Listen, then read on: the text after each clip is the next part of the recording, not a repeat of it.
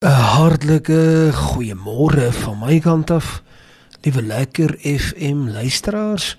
Groot eer, groot voorreg om vanmôre met jou te kan gesels.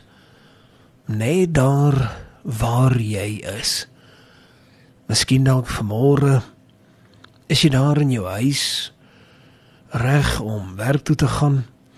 Miskien het jy al reeds aangetrek, miskien het jy pas wakker geword en jy is besig om wakker te word, koffie in die hande.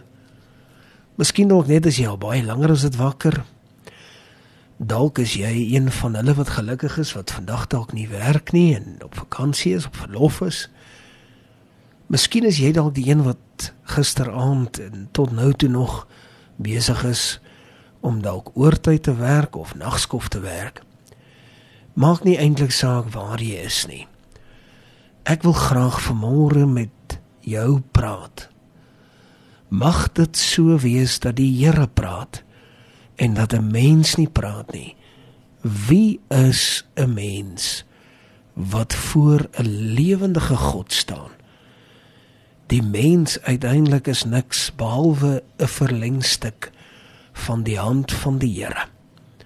Bloot net 'n instrument in die hand van die Almagtige En die Here kies hoe hy hierdie instrument wil bespeel. Mag dit ook so wees vanmôre in die teenwoordigheid van die Here waar ons sal besig wees met die sake van die Here.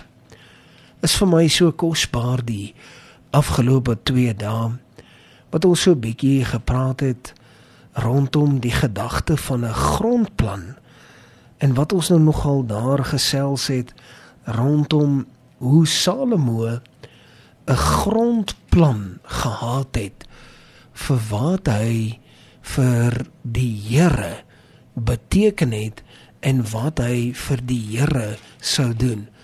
Die huis van die Here was 'n groot gebeurtenis wat al kom van Dawid se dae af. En Salomo het nie beweeg sonder 'n grondplan nie. Hy het seker gemaak dat hy die plan op die tafel neergelê het.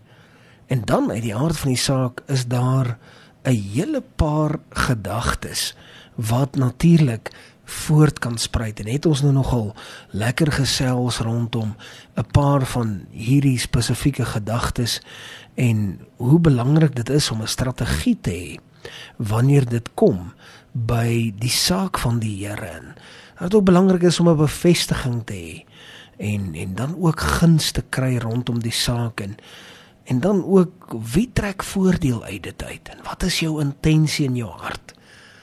En nog 'n baie interessante gedagte wat ons oor gepraat het was is dit Bybels of nie? Ek meen is die saak volgens die woord van die Here reg? En kan ons almal betrek daarbey ons het dan maar lekker gesels rondom hierdie gedagte bou dit die liggaam van Christus en wie uiteindelik ontvang die eer. En jy sal sekerlik nie kan vergeet dat ek juis gesê het dat 'n mens moet onder gesag staan.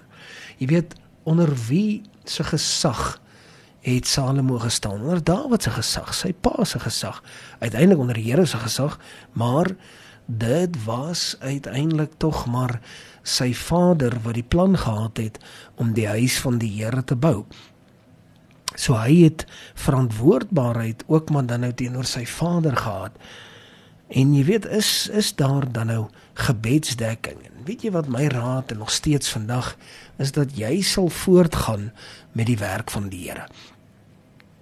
In hierdie nuwe jaar, die jaar 2024, mag jy geseënd wees letterlik in elke faset om die saak van die Here uit te bou. En ons gaan nou vandag juis nogal 'n baie interessante gedagte aanraak.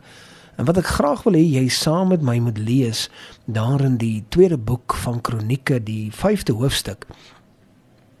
Daar aan die einde van die 5de hoofstuk vers 12 tot en met 14 wil ek graag vir jou lees en sluit dit absoluut uh, nogal kenmerklik, nogal verbasend aan by die gedagte van dat daar 'n grondplan moet wees en dat Salomo 'n grondplan gehad het. En ek wil baie graag vir jou hier uit lees en ek wil vra dat jy saam met my sal lees. Kry jou Bybel. En ons gaan saam lees hier uit 2 Kronieke, die 5de hoofstuk en ek wil baie graag vir jou vers 12, 13 en 14 lees en dan daarna sal ons bid vir die woord van die Here en ook dan nou dit wat die Here dan nou ook in my hart gelos het, so 'n bietjie gesels. Kom ons praat daar en ons lees uit uh, die tweede boek van Kronieke hoofstuk 5 vers 12 terwyl die levitiese sangers almal saam Asaf, Herman, Jedutun met hulle seuns en hulle broers in linne gekleed met simbale en harpe en siters oostlik van die altaar staan en saam met hulle omtrent 120 priesters wat op die trompette blaas. En toe die trompetblasers en die sangers almal saam eensstemmig begin om die Here te prys en te loof en net toe die stem verhef net toe hulle die stem verhef met die trompette en met die simbale en met die musiekinstrumente en met loof die Here want hy is goed want sy goedertierendheid is tot in ewigheid is die huis die huis van die Here gevul en vervul met 'n wolk en die priesters kon vanweë die wolk nie staan om die diens te doen nie want die heerlikheid van die Here het die huis van God vervul.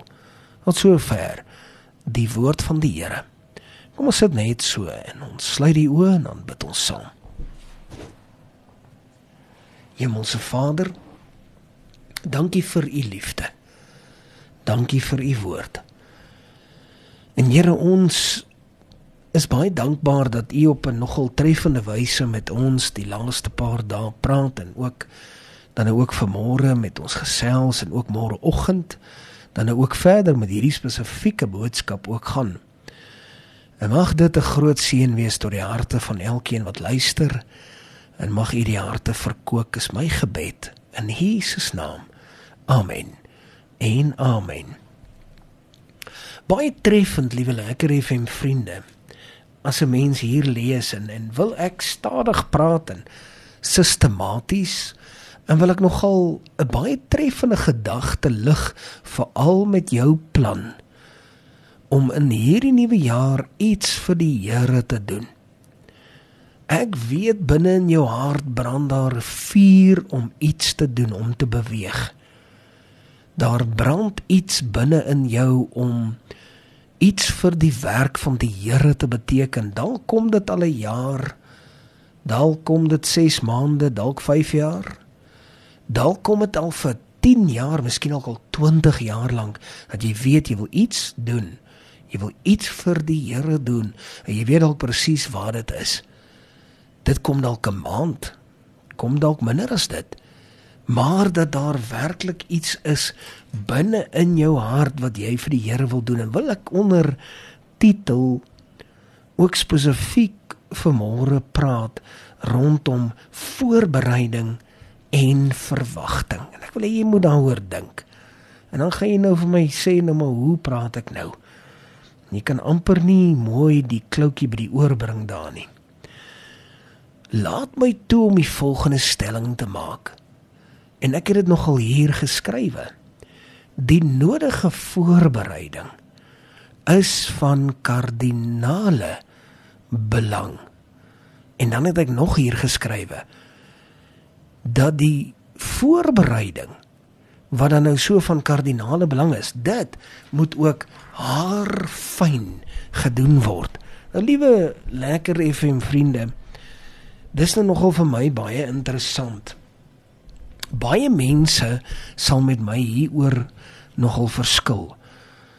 Maar ek is van sterk opinie en en sterk mening dat oorprestasie nou die Engelse die Engelse benaming of die Engelse sal nou daar sê dit is 'n overachievement overkill sal hulle sê oorprestasie met betrekking tot die werk van die Here is juis nodig in my opinie Jy weet baie mense sal sê jy's dis nou dis nou klassieke overachieving daai. Jy jy het nou dit was half nou te groot. Ek is van mening dat jy juis juis groter moet gaan as dit die saak van die Here is.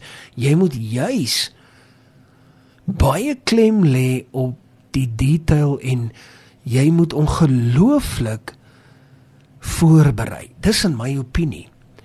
As jy nou gaan lees hier uit hierdie spesifieke gedeelte dan sal jy nou presies hoor wat ek nou hiervan praat. Hoor nou mooi as ek hom nou hier lees terwyl die Levitiese sangers Onthou hier is die die tempel van die Here nou gebou. Hy sê terwyl die Levitiese sangers almal saam Asaf, Herman en Jeduthun met hulle seuns en hulle broers in linne geklee met simbale en harpe en siters oostlik van die altaar staan en saam met hulle omtrent 120 priesters wat op die trompette blaas en toe die trompetblasers en die sangers almal saam eendragtig begin om die Here te prys en te loof. Nou, liewe lekker FM vriende, jy is veronderstel om sake in gereedheid te bring. Bring sake in gereedheid. Dit is iets wat baie baie na aan my hart lê. Bring iets tot absolute gereedheid. Gaan en gaan bepaal waar almal moet staan. Gaan bepaal waar is die klere watter klere moet aangetrek word wie wat waar? Wie moet byvoorbeeld uh sekere sekere sake op die trompet doen? Wie moet sekere sake op die siter doen? Wie moet sekere sake op die simbale doen? Ek meen alles wat gedoen was was opgeskrywe. Wie waar sou gestaan het wie waar sou gesit het? Hoeveel sou wat sê en wanneer sou hulle dit sê Wie hoeveel en wat sou gesing het? Wie waar sou staan om hulle stem dalk harder te maak as die res? Wat wat was die vervoer reëlings tot daar? En hoeveel rye sou hulle gestaan het? Sou hulle gestaan het van klein na groot of van groot na klein na die middel? Of van middelgroot na klein na die kante. Hoe sou dit gewerk het? Bring sake in gereedheid. Onthou, dis nou wat hy hier spesifiek van praat. Hy sê en toe die trompetblasers en die sangers almal saam eensstemmig begin om die Here te prys en te loof en net toe hulle die stem verhef, net toe hulle begin sing met die musiekinstrumente saam toe hulle begin sing, loof die Here want hy is goed, want sy goedertierendheid is tot in ewigheid. In daai ware ware oomblik toe kom die wolk van die Here en die huis is vervul met die teenwoordigheid van die Here. Is dit nie treffend nie?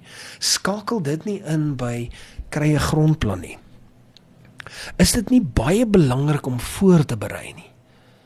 Ek wil baie graag môre oggend dit 'n bietjie nader trek na ons lewe vandag. Dit is presies wat hier gebeur het.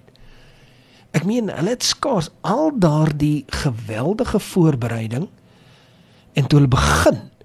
Ek bedoel daar was nie eens baie moeite daarna nie toe die teenwoordigheid van die Here onmiddellik daar tot sover die woord van die Here. Kom ons sit net so dan. Sluit ons oë dan bid ons saam. Hemelse Vader, dankie vir die woord. Dankie dat die woord ook iets vir ons beteken. Dankie dat ons weet uit die woord uit wat uiteindelik U wil is. In Jesus kosbare naam. Amen. En amen.